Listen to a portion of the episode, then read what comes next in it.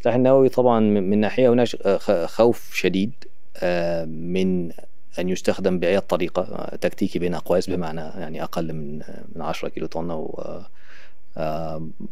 ولكن وهذا ما لوحت به روسيا فعليا نعم يعني نعم بشكل رسمي. نعم. فهناك خوف من ذلك و ولكن من ناحية أخرى يوجد لوم مثلا لأوكرانيا للقيادة الأوكرانية التي تخلت عن السلاح النووي لأن الظن إنه لو لو امتلكت السلاح النووي سترد على الخصم.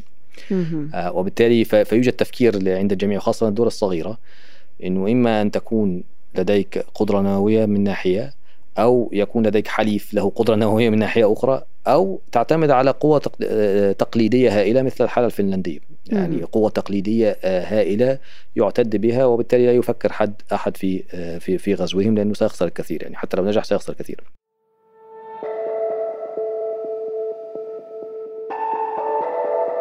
يوما بعد يوم.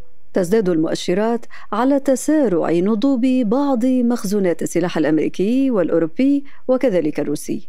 مؤشرات تبدو صادقة في ظل استمرار الحرب في أوكرانيا. هذه الحرب التي تستهلك أكثر من عشرة آلاف قذيفة يوميا.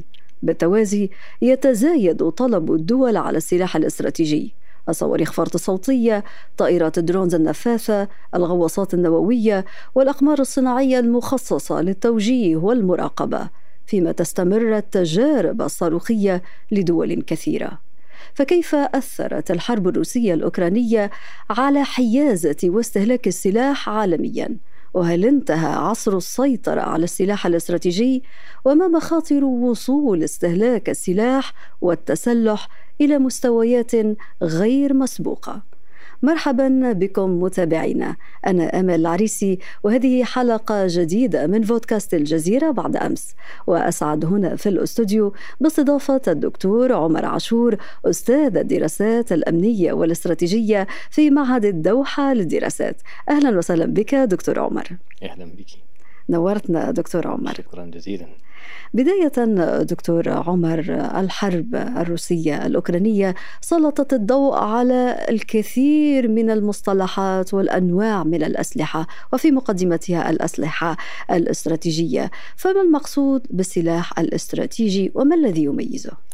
أحتاج إن أنا ربما أحطم بعض الأساطير والخرافات يعني يا ريت والله صحيح لأنه يوجد نقل مفاهيم مغلوطة كثيرة حول هذا الموضوع من ناحية ويوجد نظريات مؤامرة كثيرة آه، لا تصمد أمام الحقائق في هذا الموضوع كذلك.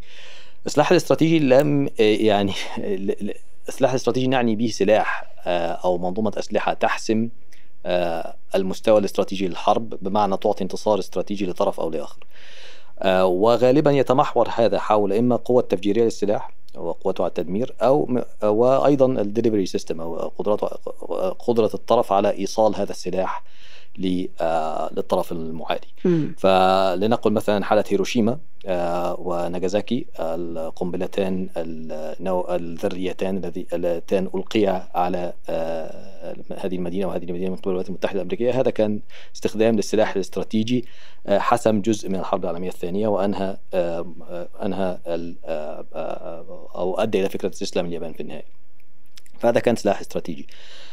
في أوكرانيا حاليا آه، لم يستخدم ولله الحمد السلاح النووي آه، سواء القنابل التي ألقيت على ناغازاكي وهيروشيما كان في حدود 15 كيلو طن. بمعنى القوة التفجيرية هي 15 كيلو آه، طن من ال TNT القوات التفجيرية هكذا. آه لم يستخدم هذا آه حتى الآن. ولكن استخدم بعض السلاح لنقل المتوسط إلى نقل تجاوزا طويل المدى مثل صواريخ الكنجال وال آه وال آه والكاليبر. آه وهي صواريخ طويلة المدى آه لكن لم تستخدم بشكل مكثف بحيث أنها تحدث نقل آه تغيير استراتيجي في المعادلة لصالح لصالح روسيا. فهذا من ناحية. ومن ناحية أخرى يوجد ما يسمى بال يعني ما نسميه القصف الجوي الاستراتيجي وهي حملة جوية مكثفة للغاية. آه، تنهي الم... نقول النتيجة لصالح الطرف الذي يستخدمها. الولايات المتحدة معروفة بقوتها الجوية الهائلة.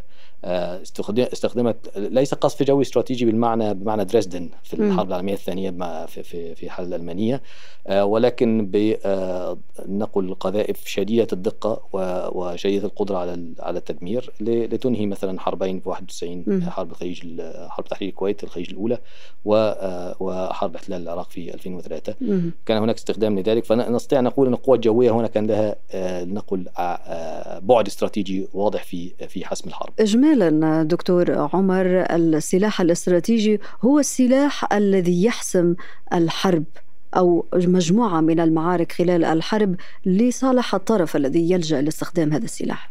نعم صحيح هو يقربنا للحسم لأن الطرف الآخر دائما يكون له صوت يعني له فوت إما أن يكمل يعني الذي ينهي الحرب دائما هو الطرف الأقرب للهزيمة إما أن يقبل الهزيمة وإما أن يستمر في في القتال حتى يغير هذه النتيجة. وهذا الذي لم يحدث حتى الآن في أوكرانيا هذه الحرب التي دخلت عامها الثاني. فكيف تحولت إذا أوكرانيا إلى مختبر للأسلحة الجديدة في حال أنه استثنينا السلاح الاستراتيجي الحاسم فيها؟ وفي هذه النقطة بالذات حطم الخرافات التي نعم قلت عنها منذ البداية. هو لا يوجد الكثير كذلك من الجديد في فيما يخص منظومات الأسلحة. يعني مثلا الكثير كان هناك تركيز على المسيرات. المسيرات الموجودة في أوكرانيا اختبرت قبل ذلك في, مثلا نقل في حرب أرمينيا أذربيجان في في 2020 وكانت هناك اكشولي مسيرات أحدث بكثير مثل الهرب 2 الإسرائيلية. آه يعني أحدثت آه نقل تغيير آه هام للغاية أوصل لتقريبا انتصار للجانب الأذربيجاني. فيوجد كذلك يعني الجافلينز ومضادات الدروع التي استخدمت آه، لو لو ندخل في الفئات مضادات الدروع التي استخدمت آه، ليست جديدة يعني استخدمت من قبل آه، يعني كثيرا الآن اللي هو الجافلين وغيرها. المدفعية التي استخدمت لا يوجد فيها جديد لكن الجديد حقيقة هو القدرة السريعة للغاية باستخدام المسيرات على كشف موقع العدو. فصار آه، الميدان تقريبا شفاف. حتى لو اختبأت لا يوجد مجال للاختباء بسبب الثيرمال القدرة على آه، الحرارية. آه، اي أي جسم ينبعث منه بعض الحرارة يمكن أن يكشف بالمسيرات والمسيرات متواصلة مع المدفعية. فما يسمى بال destruction detection destruction cycle حلقة الكشف والتدمير. صارت سريعة للغاية. فأحيانا في بعض الأحيان تصل لدقيقة واحدة وكانت قبل ذلك أكثر من عشر دقائق. فهنا المدفعية صارت سريعة للغاية. وهذا ربما إحدى الأسباب الرئيسية التي منعت سقوط كييف لأنه كانت قوات الاحتياط تعطي الأحداثيات سريعا للمدفعية الشعب أحيانا جدات في البيوت يعطون أحداثيات للمدفعية والمدفعية تقصف القوافل الموجودة. فكان هذا إلى حد ما يعني ليس جديد للغاية ولكن جديد. يوجد بعض السلاح المنظومات التي دخلت مثل القذائف ال ground based diameter small diameter bombs ال ground launch هذه دكتور عمر ما المقصود بها بالضبط؟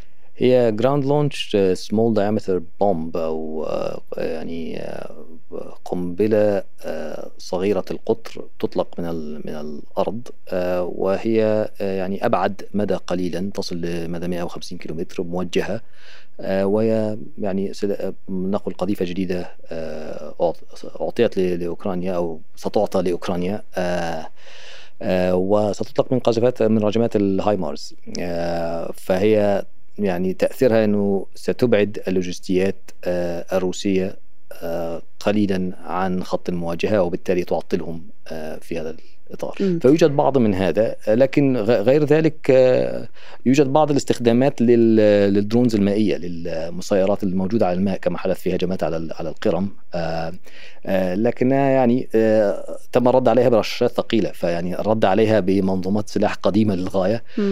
فهنا يعني نقل التفاعل ما بين منظومات الحقبة الصناعية للحرب ونقل الحقبة المعلوماتية الديجيتال نعم. للحرب هناك تفاعل وهناك تجاذب بينهما.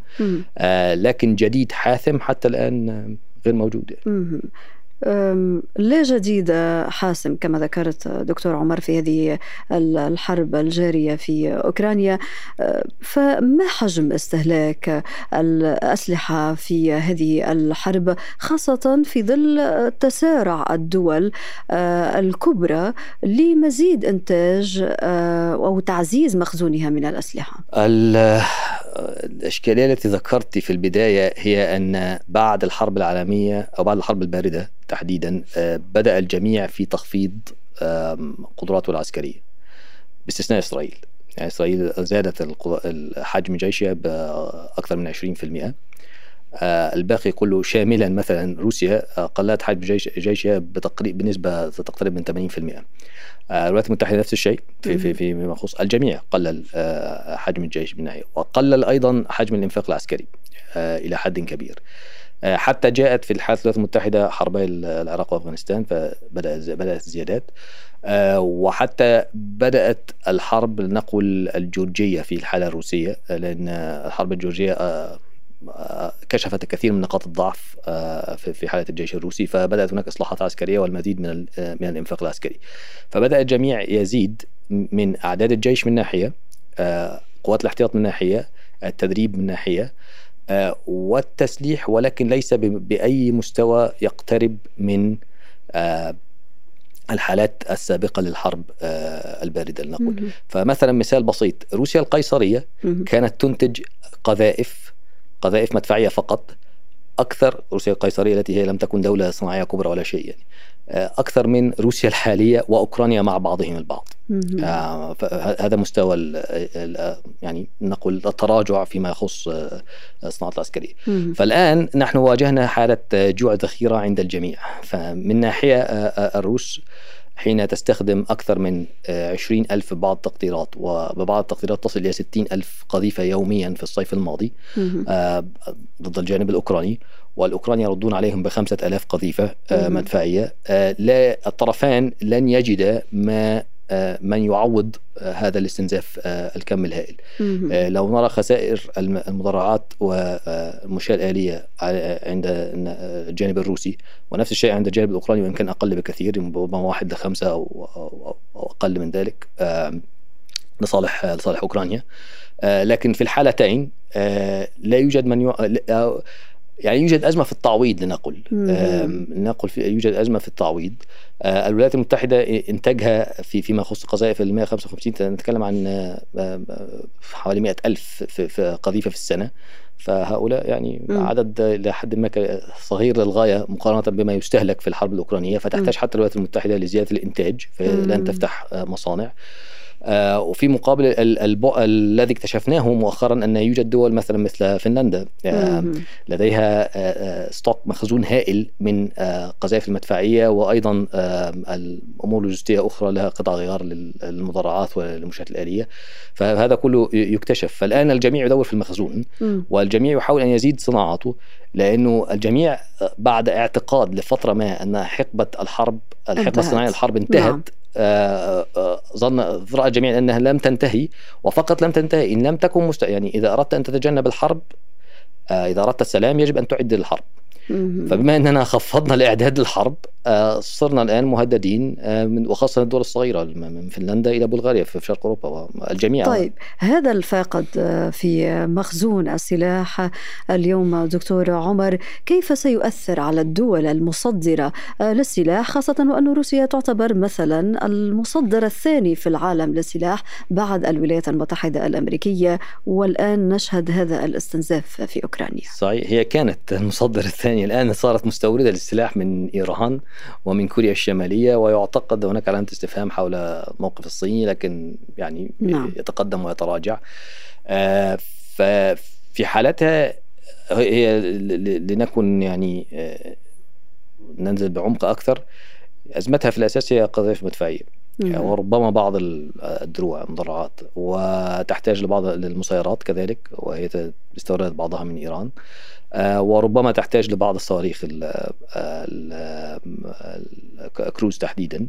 لكن لديها مخزون من الأمور الأخرى يعني الجوية لم تتأثر كثيرا آه، فلديها مخزون من من بعض آه، لنقل أنواع الأسلحة المختلفة. لكن لديها أزمة في في في أنواع أخرى. آه نفس الشيء بالنسبة للأوكرانيين. آه لكن استمرارية هذا الوضع آه يعني أن هي أيضا تتأقلم. يعني روسيا الآن بدأت أن تجير الكثير من المصانع المدنية لخدمة حالة الحرب فبدأنا ندخل في اقتصاد حرب بشكل واضح للغاية. الأوكرانيين يفعلون نفس الشيء منذ فترة منذ بأن مواردهم أقل وقدراتهم على تصنيع أقل وبالتالي بدأوا هذا مبكرا. فالوضع فيما يخص هذا البعد هو أن ال infrastructure آه تأثر كثيرا تأثر كثيرا منذ آه بسبب ما يسمى بال peace dividend بفوائد السلام. نعم. آه، فلم يكن هناك حاجة لمثل هذا المخزون الهائل ولمثل هذا التصنيع لأنه لن يشتريه أحد في, في النهاية يعني. آه الآن صار الوضع العكس. الوضع ليس فقط مجرد سياسي يقول نحن يعني أريد الذخيرة وأريد آه يحتاج منظومة هائلة. نحن نتخيل في القذيفة الوحيدة وهذا قذيفة يعني آه، سلاح قديم للغاية. آه هذا يحتاج ل آه، لنقل عدة مصانع لتنتجها. أحيانا يوجد الحل الأقل هو مصنع واحد ينتج القذيفة كاملة لكن تحتاج لإنتاج الفيوز من ناحية تحتاج لإنتاج الكفر من ناحية أخرى وهذا أحيانا يأخذ فترة يعني نعم وربما سنوات أيضا لتعويض هذا النقص في المخزون كما ذكر الدكتور عمر. فما هي انعكاسات هذا التزايد في إنتاج الأسلحة وكذلك في الإنفاق العسكري على التعاون بين الدول وبالتالي على النظام العالمي المسيطر على سوق السلاح. هو يوجد استقطاب من ناحية آه، وتعاون من ناحية أخرى. فيما يخص التعاون طبعا نقل الدول الداعمة لأوكرانيا وهي أكثر من 50 دولة يجتمعون في ألمانيا كل فترة. آه، وينسقون. فنجد مثلا آه، كوريا الجنوبية التي اكتشفنا أيضا أنها مخزون سلاح هائل آه، رغم كوريا, كوريا وهذا أيضا الإجابة ربما لاحقا على موضوع التعليم والصحة والأمن الإنساني من ناحية والدفاع من ناحية أخرى. فكوريا الجنوبية متقدمة للغاية فيما يخص التعليم والصحة والأمن الإنساني. ولكن أيضا فيما يخص منظومات السلاح صارت قوة يعتد بها إلى حد حد كبير. آه، فيجري الآن البحث والتعاون عن من يستطيع أن آه، يمد الأوكرانيين بماذا؟ آه، ففي إطار منظومة الناتو أو تحالف الناتو ولكن في الإطار التحالف الأوسع جاءتهم سلاح من حتى المغرب يعني من أماكن بعيدة للغاية عن عن شرق أوروبا. أو بعيدة نسبيا عن شرق أوروبا. فهذا من ناحية. من الناحيه الاخرى يوجد تحالف أيضا مضاد آه، يتعاون كثيرا فيما يخص آه، تصنيع السلاح وفيما يخص المنظومات الاستخبارية والمنظومات العسكرية. وهذا التحالف هو آه، روسيا إيران كوريا الشمالية. الصين خارج الموضوع أو غير خارجه غير غير واضح ولكن آه، وأيضا يوجد لنقل من يريد أن يساعد ولكن لا يريد أن ينخرط بشكل مباشر. لذلك نحن لا نعرف قائمة الخمسين الداعمة لأوكرانيا لا نعرفها بالكامل. نعرف فقط الناتو وربما بعض الدول الأخرى لكن لا نعرفها بالكامل. كوريا الجنوبية تحديدا لا تريد أن آه، مثلا تدخل بشكل مباشر. فما يحدث هو أنها تعطي لنقل آه، ذخائر وأسلحة لتعوض المخزون الأمريكي. والمخزون الأمريكي يعطي لاوكرانيا وهكذا.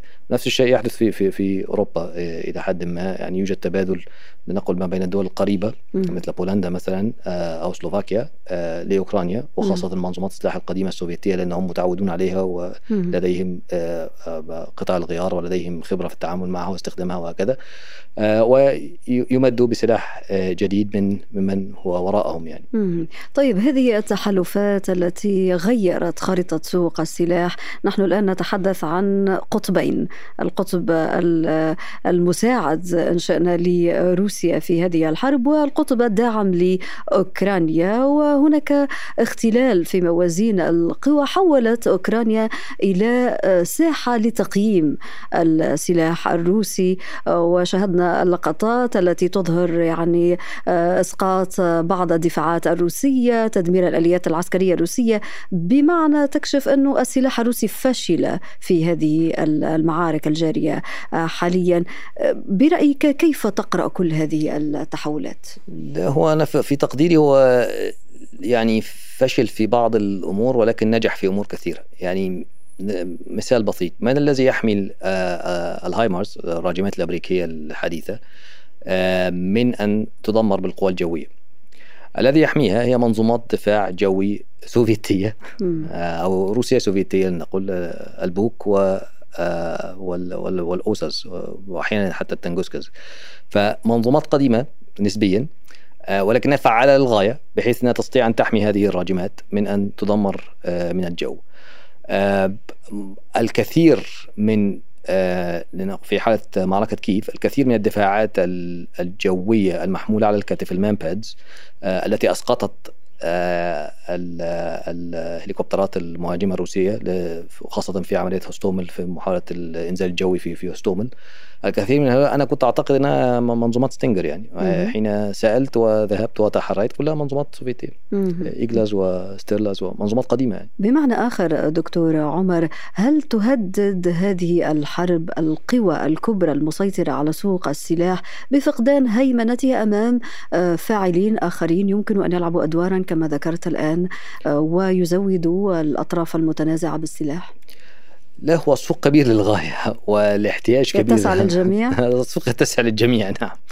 آه، بسبب حجم الاستهلاك. حجم الاستهلاك آه، مرة أخرى لم يعتقد أحد أن في القرن الحادي والعشرين سيتم غزو دولة أوروبية من قبل دولة أوروبية أخرى نعم. وبهذه الطريقة. فيعني كان الجميع متجه نحو سندخل في الحرب الهجينة والموضوع سيكون هجين. استخبارات وسيبراني وقوات خاصة وتحالف مع ميليشيات. آه، وعمليات اختراق وتنتهي لصالح طرف أو لآخر. آه، يعني النموذج عمليات القرم في في حالة روسيا والنموذج الآخر في حالة ما تنظيمات ما دون الدولة حالة الموصل مع مع, مع تنظيم داعش. فهذا كان المنظومة وبالتالي يجب أن نعد الدفاعات لكي نتفاعل مع الهجين. فكيف نكافح الميليشيات؟ كيف نكافح الهجمات السيبرانية؟ كيف نكافح على المستوى الاستخباراتي؟ ويعني نقيم دفاعات خاصة للتحميه من الاختراقات الاستخباراتية. وهكذا. كان حتى في هناك دول مثل كندا وهولندا كانوا يعتقدون أن الدبابات لا, لا, لا يعني وأنا حضرت هذا هذا هذه المناظرات في 2014 في في بريطانيا يعني مم. كان هناك تصور ان الدبابات لا حاجة لها مم. لا حاجة لنا بها خلاص يعني مخزون الدبابات هذا يذهب آه، كما ذكرت نبيعه في في سوق في أفريقيا أو في في في ما يعني في في مكان آخر مم. ولكن لا حاجة لنا به لأننا نتعرض لمثل هذا ونعتمد على القوى الجوية مع مع مكافحه الهجين مم. طبعا هذا كله أثبت ان الدبابات هي قائمة. نعم. وفي غاية الخطورة والطرفان يحتاجانها بشدة بسبب حجم الاستنزاف الهائل. ليس فقط دبابات عربات المشاة القتالية كذلك نفس الشيء. عربات النقل المدرع ال APCs كذلك يحتاجونها بشكل كبير. آه، وبالتالي كل ما هو كان قديم وكان يظن أنه يعني في المخزون و سيخرج آه للبيع أو لشيء الآن أن الجميع يريد أن يبقيه ويزيد منه آه، في في مجال يعني آه، في مجال التصنيع كذلك. ولكن دكتور عمر ألا يدخل هذا سوق السلاح العالمية في فوضى؟ هناك من يقول لك أنه الدول الكبرى على الأقل كانت هناك اتفاقيات تنظم حيازة هذه الأسلحة خاصة منها الأسلحة الاستراتيجية. فكيف يبدو المشهد اليوم في ظل دخول هؤلاء الفاعلين الجدد؟ هو صار هناك مشهدين حقيقة. المشهد الأول آه هو متعلق بالسلاح الاستراتيجي السلاح النووي تحديدا. السلاح النووي طبعا من ناحية هناك خوف شديد آه، من أن يستخدم بأي طريقة آه، تكتيكي بين أقواس بمعنى يعني أقل من من 10 كيلو طن أو آه، ولكن وهذا ما لوحت به روسيا فعليا نعم يعني نعم بشكل رسمي. نعم. فهناك خوف من ذلك. و ولكن من ناحية أخرى يوجد لوم آه، مثلا لأوكرانيا للقيادة الأوكرانية التي تخلت عن السلاح النووي لأن الظن إنه لو لو امتلكت السلاح النووي على الخصم. آه، وبالتالي فيوجد تفكير عند الجميع وخاصة الدول الصغيرة إنه إما أن تكون لديك قدرة نووية من ناحية أو يكون لديك حليف له قدرة نووية من ناحية أخرى أو تعتمد على قوة آه، تقليدية هائلة مثل الحالة الفنلندية. يعني قوة تقليدية آه، هائلة يعتد بها وبالتالي لا يفكر حد أحد في آه، في في غزوهم لأنه سيخسر الكثير. يعني حتى لو نجح سيخسر الكثير. التكلفة عالية للغاية. فهذا من ناحية. من الناحية آه، الأخرى فيما يخص التقليدي الجميع الآن يعني ينظر لنتيجة هذه الحرب. لو روسيا خسرت هذه الحرب فأظن أن سيكون هناك عودة للهجين. لأن الهجين تكلفته قليلة للغاية نسبيا وفي نفس الوقت فاعليته عالية للغاية. يعني يمكن أن تكسب المعركة بدون مواجهات تقليدية عودة و... للهجين أو أنه يمكن هذا الارتفاع في الإنفاق وهذه التكلفة العالية للحرب التقليدية التي نشهدها. قد يوقف الحرب دكتور عمر أم أن هذا صحيح. غير وارد؟ صحيح. م... م... يعني لو نفذت الذخائر إلى حد ما الحرب ستتقلص يعني. إلى حد ما ربما يعني ربما تصل للمبارزات بال, بال يعني بالبايونتس بال فتصل لمستوى آخر. آه ولكن ال... حتى الآن هي آه نقل مخزون السلاح العالمي آه ما زال متواجد. والذخائر آه إما تصنع الآن لأنه يعني الأمريكيون افتتحوا مصنعا جديدا الأوروبيون في في آه، في حالة إعداد لذلك وزيادة في الإنفاق العسكري بشكل عام. آه، وتوجد توجد أماكن أخرى يعني يوجد ما يسمى blind spots أماكن يعني آه، لم نكن اكتشفناها الآن في في أفريقيا وفي أمريكا الجنوبية وفي شرق آسيا. مليئة بمخزونات السلاح القديمة التي هي محتاجة قذائف من من 82 ملي لل mortars للهونات. آه، ومرورا بال Grads وأعلى 122 ملي وهكذا آه، وشاملة كذلك الهونات الثقيله 120 آه، وانتهاء بال howitzer سواء على مستوى الناتو يعني 155 أو على المستوى الروسي 152 فبالتالي موجود فيما يخص القذائف موجودة في في مخزونات ولكنها هي إلى حد ما أنواع قديمة للغاية وغير موجهة. فالمبارزات المدفعية ممكن أن تستمر يعني ممكن أن تستمر لسنة أو أكثر من سنة. فهذا من ناحية أخرى. لكن لكن العودة للفكرة لو لو لو انتصر لو خسرت عودة للهجين.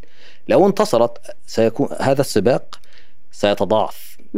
هذا السباق على امتلاك السلاح التقليدي والذخائر التقليدية وإعداد منظومات آه، جاهزة لتوريده فيما يخص المصانع وغيرها ال infrastructure. آه، سيتضاعف وسيكون on steroids يعني. لأنه الجميع سيظن الآن دولة أوروبية آه، في ظهرها الناتو وفي ظهرها الاتحاد الأوروبي بهذا الدعم الهائل. وخسرت أمام دولة أخرى تمتلك فقط وبالسلاح التقليدي فقط دون استخدام النووي. آه، الجميع سيظن أنه يجب أن أمتلك سلاح تقليدي وأيضا سلاح نووي ويجب أن أزيد من التحالفات العسكرية للدفاع عن عن نفسي لا خصوصا الدول الصغيرة. وهذا ما يفسر توجه في الصين في الهند في إيران وغيره من الدول. صحيح. لكن هو الصين يعني نقول الصين والهند دول كبيره ودول نووية. آه إيران آه دولة يعني تقترب من النووي وربما امتلكت النووي آه ودولة كبيرة كذلك. ودولة كانت تتع... يعني هم ملوك الهجين. يعني ملوك الهجين بمعنى إن عدد تحالفات مع تنظيمات مسلحة ذات كفاءة عسكرية هائلة وذات تأثير ونفوذ سياسي هائل في آه مناطق عدة من البلدان آه أنصار الله الحوثيين في اليمن حزب الله في لبنان آه كتائب حزب الله في, العراق وغيرها. آه هذه يعني هذا أسلوب لنقل أسلوب هجين فعال للغاية وغير مكلف. يعني كم خارج صدر الحرس الثوري في في في في, في لبنان أو في اليمن يعني أو الجيش نقول التقليدي الإيراني. لا شيء مقارنة بما يحدث في روسيا روسيا القوى التي هاجمت أوكرانيا ال 200 ألف الذين هاجموها ما بين الآن قتيل وجريح. تقديرات 200 ألف قتيل وجريح. فالقوى التي هاجمت الدولة أفنيت. مم. هذا الفارق ما بين الهجين ويعني القوة التي هاجمت واستولت على القرم وضمتها لروسيا تقريبا لم يخسروا شيء. لم يخسروا شيء. مقابل 200 ألف. وهذه خسائر كبرى بالنسبة أكيد. للجانب الروسي. في هذا السياق دكتور عمر نحن تحدثنا عن الأسلحة المنظمة التي تضبطها معايير عن اتفاقيات بين دول تحالفات. هذا كله على المكشوف كما يقال في إطار صفقات منظمة وغيره. لكن ماذا عن عن تحول الحرب الأوكرانية إلى سوق سوداء للأسلحة سوق سرية لا يمكن لأي طرف أن يسيطر عليها؟ آه، موجود. يعني في فيما يخص هو يعني آه، عرض وطلب مثل مثل اي سوق. الخوف الشديد في الفترة السابقة آه، بعد انهيار الاتحاد السوفيتي هو تسرب السلاح النووي الإيراني نظرا لأن حجم الفساد الذي حدث بعد انهيار الاتحاد السوفيتي كان كبيرا سواء في الحالة الروسية أو في الحالة الأوكرانية. وهذا كان هو أحد الدوافع لأن تتخلى أوكرانيا عن سلاحها النووي لكي لا تحدث هناك يعني اختراقات وتسريبات وهكذا. فهذا أدى في, في النهاية إلى مذكرة بودابست في 1994 آه الآن الوضع نقول آه التسربات لن تكون آه سلاح نووي وهذا هو الخبر الجيد. آه، لكن احتمالات التسريب يعني احتمالات أن تظهر آه، منظومات أسلحة. رأينا آه، الروس يعني استولوا على بعض مضادات الدروع. شاملة الجافلين والأنلوز وأعطوها للإيرانيين. الإيرانيين يجيدون الريبليكا يجيدون التصنيع يعني تقليد أو reverse engineering الهندسة المعاكسة. يجيدون ذلك لأنه فعلوه في بسبب الحصار عليهم وبسبب فطوروا هذه القدرة على آه، أخذ سلاح آه، يكون مطور إلى حد كبير وغربي ويقلدونه بشكل أو بآخر. آه، فهذا من ناحية التسريب على مستوى الدولة. مستوى التسريب ما دون الدولة حادث يعني لأنه الطرفان يستوليان على أسلحة البعض بعض هذه الأسلحة الغربية آه، ربما تسرب. وأيضا آه، موضوع الرشا والاختراقات آه، من قبل نقل مافيات وشركات يعني أو جرائم منظمة. كما أن البعد لنقل الشركات الخاصة بعد فاغنر واضح نعم. للغايه فاغنر وتوابع انه الآن فاغنر صارت نموذج يعني هي النموذج الكبير فتح شهية بقية الشركات الخاصة نعم. الشركات الخاصة آه، آه، آه، في الحالة الروسية وشركات وتوجد بعض الشركات الخاصة في الحالة الأوكرانية ولكنها شركات غربية إلى. إلى إلى حد نقل يعني هي فاغنر نقل شركة مرتزقة من النهاية يعني. الشركات الأخرى هي ليست شركات مرتزقة بالمعنى يعني هي هي ليست لا, لا تعمل من أجل في الحالة الأوكرانية. معظمهم متواصل مع حكوماتهم وبالتالي هي هي تعمل بشكل غير مباشر مع حكومات مع غربية. الجيوش الموازية للحكومات نعم، الغربية نعم. نعم. في أوكرانيا طيب كيف تقرأ مستقبل السلام العالمي خاصة أنه في هذه الحلقة اكتشفت أنه كل شيء وارد يعني وارد الحرب العودة للحرب الهجينة وارد الاستمرار في الحرب التقليدية وارد أيضا تضاعف سوق السلاح العالمية ودخول أطراف قد تدخل هذه السوق في حالة فوضى وينضاف إلى ذلك ما تحدثت عنه الآن هذه الشركات الخاصة التي تتخادم مع الحكومات. نعم تتصوري أن الخبر السعيد سيكون العودة للحرب الهجينة. يعني هذا لأنه لأن القتلى فيها سواء من المدنيين أو من الأطراف سيكون أقل بكثير. فهذه أنا يعني ظننت أنه الخبر السعيد هو إنهاء الحرب أو المواجهة. الخبر إنهاء الحرب يعني وارد. آه، كل حرب تنتهي في النهاية يعني الا لو انتهى بتدمير العالم يعني سيكون خبر سعيد. يعني عندما نتحدث عن السلام يعني هل يمكن هناك سيناريو آخر دكتور عمر؟ هو العودة إلى الحلول الدبلوماسية والوسطات وغيره. الإشكالية الكبرى أن الطرفان بعيدان للغاية والحلول الدبلوماسية في هذه الحالة بالذات بدون ال... بدون مئات الآلاف من القتلى والجرحى الموجودين الآن آه حدثت في حالة مينسك واحد ومينسك اثنين سابقا ولم تؤدي إلى شيء بالأساس لأن الطرف الروسي لا يعني لديه مطالب عالية للغاية لن يقبلها لن تقبلها دولة السيادة يعني أو دولة ستقبل بسيادتها أوكرانيا أو غيرها. وفي نفس الوقت لا آه، آه، أوكرانيا وغيرها وخصوصا دول شرق أوروبا لا يريدون أن يعطوا هذا نقل النصر الروسي أو لأنه يعرفون أنهم the next يعني سيكونوا هم على القائمة التي بعدها وخصوصا الدول الصغيرة فيهم يعني إستونيا لاتفيا ليتوانيا حتى بولندا دولة كبيرة ولكن أيضا يعني في, في الهدف كذلك. فهذا من ناحية. من ناحية أخرى آه، الآن لو هناك حوار آه، أعلن عنه الرئيس زيلينسكي آه، ونقل نقاط من أجل السلام. وهناك أيضا نقاط من أجل السلام أعلنت عنها الصين. النقاط جميلة للغاية. عامة للغاية. احترام سيادة الدولة يعني تقليل العنف تجاه المدنيين الالتزام بالقانون الدولي جميل للغاية. نجلس على الطاولة الشيطان يكمن في التفاصيل يعني. ف آه بعد ذلك ستكون مشكلة كبيرة. ومره أخرى مينسك اثنين كانت فيها كل شيء. يعني مينسك الطرفان وقعوا على مم. احترام سيادة الأراضي الأوكرانية شاملة. مم. وما الذي وقع؟ قاده الميليشيات في, في الدنبس كانوا موجودون في موجودين في في المفاوضات. واليوم آه، روسيا تسيطر على أربعة أقاليم في أوكرانيا. لا ليست أربعة أقاليم هي هي هي تسيطر هي ولا واحد هي ضمتهم سياسيا نعم. ولا تسيطر على واحدة ولا واحدة منهم عسكريا. يعني هي آه، ضمت زابوريجيا نعم. وضمت خرسون يعني السيطرة العسكرية غير موجودة لأنه نعم. المعارك ما زالت مستمرة يعني هي أيضا غريبة أو إحراج شديد أن تعلن ضم, ضم. مناطق من دولة أخرى عضو في الأمم المتحدة وثم وانت لا تسيطر عليها عسكريا يعني. واكشلي تحرر منها عسكريا وعند التحرير يكتشف حجم الدعم الذي آه، موجود الطرف الآخر يعني. أخيرا دكتور عمر هذه الحرب حرب الروسية الأوكرانية أعادت خلط الأوراق بعد أن ساد اعتقاد لسنوات عدة أن الحروب انتهت. فعدنا اليوم نتحدث عن اقتصادات اقتصادات حرب. في دول أوروبا، دول تريد الانضمام إلى الناتو وغيره. فإلى أين يتجه هذا السباق المحموم نحو التسلح؟ وكيف ترى مستقبل سوق السلاح العالمية؟ آه، سوق السلاح باقي ويتمدد يعني وإلى حد كبير و هذا شعار تنظيم الدولة. نعم. آه ولكن آه هو باقي ويتمدد لأسباب وجيهه للغاية. آه لو أردت السلام يجب أن تستعد للحرب. ولو أردت أن لا يهاجمك خصمك يجب أن تبدو قويا للغاية. ويوجد نموذج واضح هو الحالة الفنلندية. آه، الحالة الفنلندية التي لم تنضم للناتو حتى آه، مؤخرا. كانت ربما أكبر قوة احتياط مدربة وجاهزة. آه، بالإضافة للجيش النظامي بالإضافة لمستودعات الأسلحة والذخيره التي التي هي موجودة عندها وهي أضعاف القوى الجوية والقوى المدرعة والقوى البرية للمملكة المتحدة. يعني هي يعني لو دخلت فنلندا في مواجهة مع المملكة المتحدة المملكة المتحدة غالبا ستخسر المعركه آه فيجب أن تبدو قويا. وحتى هؤلاء بقوتهم هذه رغم أنها دولة صغيرة خمسة ملايين ونصف اضطروا للانضمام للناتو يعني. آه فنحن يعني مع الأسف في بيئة شديدة الخطورة.